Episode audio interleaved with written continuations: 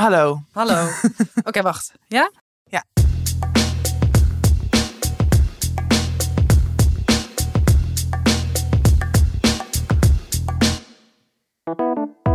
Hallo mensen, welkom bij de levensvragen van tussen 30 en doodgaan. Tegenover me zit Tatjana Almouli. Hallo. Hallo, mijn naam is Malou Holshuis. Dank u wel voor het insturen van jullie slimme, mooie... Leuke, originele levensvragen. Ik pak hem maar weer over. Ja, inderdaad. Eh, chef levensvraag, wat is de eerste? Oké.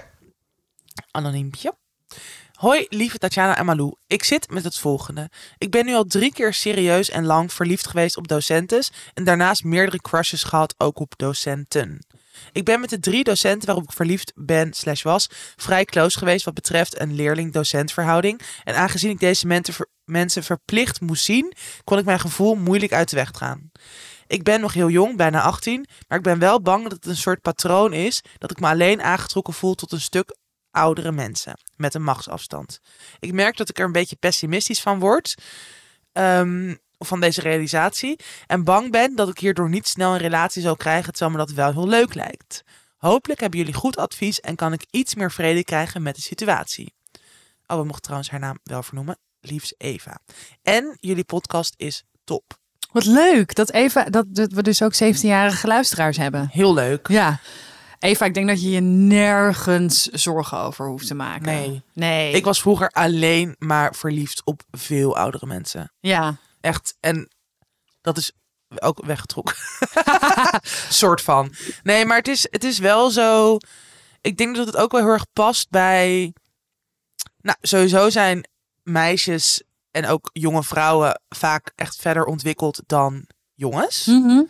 Daar, maar ja, goed, ze valt natuurlijk ook op docentes. Ja. Dus dat is misschien dan ook anders. Maar ik denk dat het ook te maken heeft met een soort.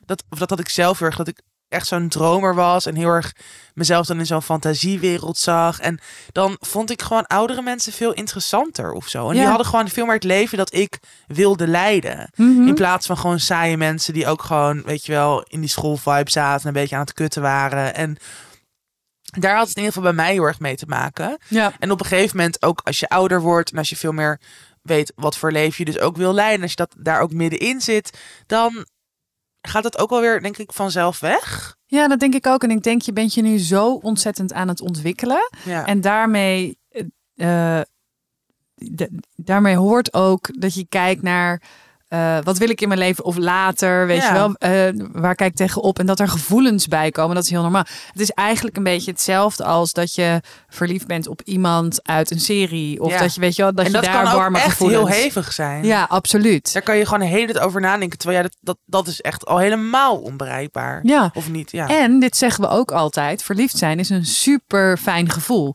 Je krijgt er goede energie van. Ja. Waarschijnlijk Lekker ben je de enige in je klas die zin heeft om naar school te gaan. Ja, Doe je misschien extra je best. precies. En eh, volgens mij ben je ook heel erg slim eh, door te, te weten: dit kan niet. Ja. En, en je, Nou, je, hebt bent het je al- daar heel erg bewust van. En dat Ja. laat al zien dat het, dat, je, dat het een patroon is wat, ehm, wat niet zo hardnekkig is dat je er, weet je ja, zolang iets onbewust is, Mhm. blijft het veel lang soort dooretteren of zo vaak. Ja, en ook. eh, ja, je bent niet crazy of zo. Want je weet precies, je ziet precies wat er gebeurt. Je bent eerlijk over je gevoelens. Die kan je eh, al omarmen. Dus die kan je al. eh, daar kan je iets mee. Ja. Je weet wat het is. Je kan het herkennen. Nou, dat is echt al super. nou, echt heel erg volwassen.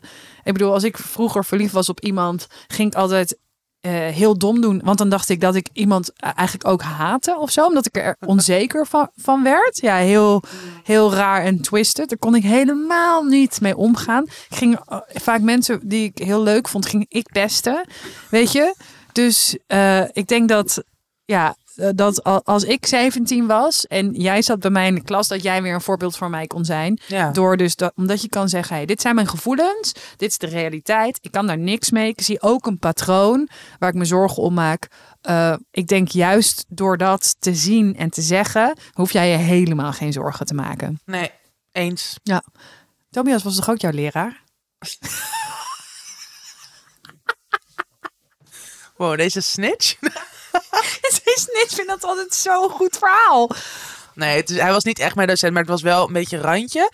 Ik zat... Nou, Dus het kan wel. nee. Nee. Oh mijn god. maar Oh, nee. Oké, nu moet ik dit verhaal wel even kort vertellen. Ehm, ik zat in de eindexamenklas. Ik was toen wel 18. Eh, niet dat dat verder... Ja, 17, Ja, 18, wel. Het maakt gewoon... Het ja. maakt een beetje uit. Maar voor de wet maakt voor het de heel wet veel maakt uit. het heel veel uit, dat is waar. Maar eh, ik was 18. Het was zo de laatste maanden van het jaar. En toen was hij, liep hij stage op mijn middelbare school. En hij is, Mhm. is ook zeven jaar ouder. Ehm, en ik was gewoon, het was ook, het jaar daarvoor was mijn moeder doodgegaan. Ik was echt zo'n getroebelde Ja. puber die heel erg de grens aan het opzoeken was bij iedereen. Deed het een beetje zo een soort kutten. En hij was natuurlijk gewoon een jonge, interessante eh, stagiair. Misschien dat ook, Ook bij gewoon hem. een leerling eigenlijk dus. Nee. nou ja, ja, Ja, nou, wel van een andere school. van een andere school. Chill dat jij het nu even lekker nuanceerde. Gewoon lekker recht lult. Ja. Alles wat krom is. Kom maar door. Anyway, ik ging dat ook. En hij ging daar een beetje op in, maar meer. We gingen dan gewoon een beetje over muziek praten en zo. En toen was ik afgestudeerd. Verder dus niks. Ja, ik heb hem, nou, denk ik echt zes keer gezien of zo. Toen was ik afgestudeerd. Toen ging ik hem opeens op Hives opzoeken. Allemaal bananen sturen. Ja, van die dansende bananen sturen. Toen op een gegeven moment gingen we MSN. Nou, en ik, was, ik had toen wel echt een crush op hem. Maar ik denk ook, en nu denk ik bijna, ja, was dat echt een crush? Of was het meer ook dus een soort van...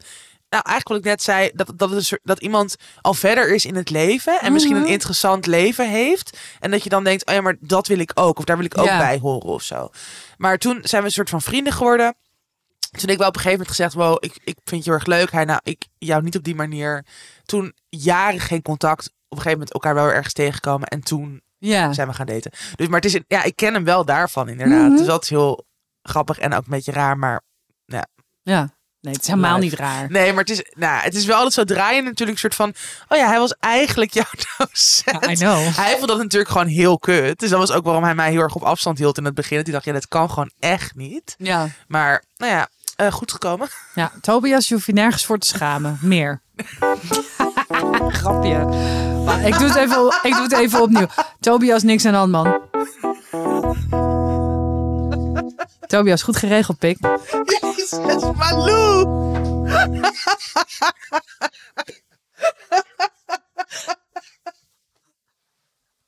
Tobias, love you. Eindelijk wordt een keer Tobias ge- gepest in plaats van Rinse. Precies. Die veel ouder is dan ik. Die grandpa. Ja, precies. Oké, volgende Rinse, lees- Rinse zou de stagebegeleider zijn. love you, Rinse. Oké, jij mag de volgende leesvraag doen. Het zijn twee, twee bladzijden. Oh, het zijn twee bladzijdes. Ehm, lieve Malou en Tatjana, hier een levensvraag van een trouwe luisteraar van het eerste uur.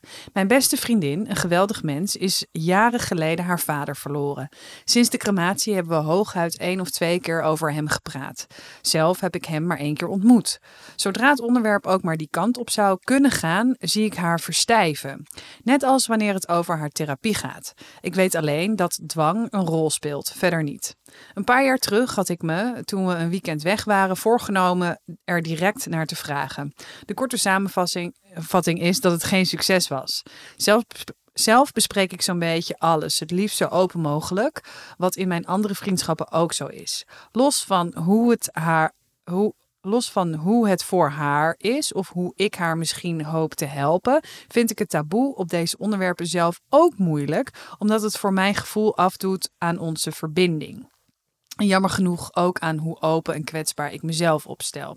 Wat zouden jullie doen? Haar geslotenheid, tempo respecteren en er zelf anders naar proberen te kijken? Of toch het gesprek nog eens proberen aan te gaan? En zo ja, hebben jullie tips voor hoe of liefs? Ha. Oké. Ha. Ha. Hey ha. Hey, ha. Hey ha. Ehm, ja, dit is wel lastig. Mhm. Ik herken het heel erg dat ik heb zelf jaren ook echt... Nou, eh, oh, ik verstijfde ook als iemand iets over mijn moeder zei. Ja. Die dus overleden is. En, ehm, maar toch denk ik dat het ten alle tijde goed is om het onderwerp niet uit de weg te gaan. Mhm. En ik denk dat je heel goed kan zeggen, als je er dus over begint en je ziet haar verstijven, dat je zegt: hey, ik, ik merk dat hier misschien, dat je eerste impuls dat je hier niet over wil hebben. En ik zie dat er iets in je lichaam gebeurt. Of bij mij ging het heel erg over bijvoorbeeld, mijn stem veranderde echt Ja. totaal. En eh, dat, heeft niet, dat heeft nooit iemand echt benoemd. Maar iemand heeft wel eens benoemd van... Ja, ik merk dus dat je er gewoon heel weinig zelf over praat. En Mhm. dat als je erover praat, dat je het dan volgens mij best wel ongemakkelijk vindt. En ik vind dat ook lastig. Maar eh, volgens mij is het alsnog goed om het er wel over te hebben. Want het is iets wat waarschijnlijk een rol in je leven speelt. En of juist ook door het uit de weg te gaan... wordt het soms alleen nog maar lastiger, verdrietiger, ongemakkelijker. Ja, En dat vergt natuurlijk best wel wat ballen van jou als vriendin. Maar, en ook, ook omdat je dus zelf zegt dat je het, ja, het ook lastig vindt. ehm, Mhm. En niet zo goed weet, je, weet wat je ermee moet. Maar ik denk dat uiteindelijk dit soort dingen wel benoemen. En ten sprake brengen ja. uiteindelijk goed is. misschien alleen al het benoemen dat de mogelijkheid om het erover te hebben er is. Ja, maar dat is wel weer heel lastig. Want als je dat, weet ik van mezelf ook, net zoals dat je zegt, en dat is wel iets anders hoor dan dit, maar dat je van, oh, je kan altijd bellen hè? Ja, ja, ja. Als je Nee, gewoon- bel me nooit, alsjeblieft, zeg je dan eigenlijk. Ik neem het toch niet op. Nou ja, wel Nee. een soort van dan laat je het weer heel erg bij iemand anders. Terwijl Ja. het klinkt wel alsof.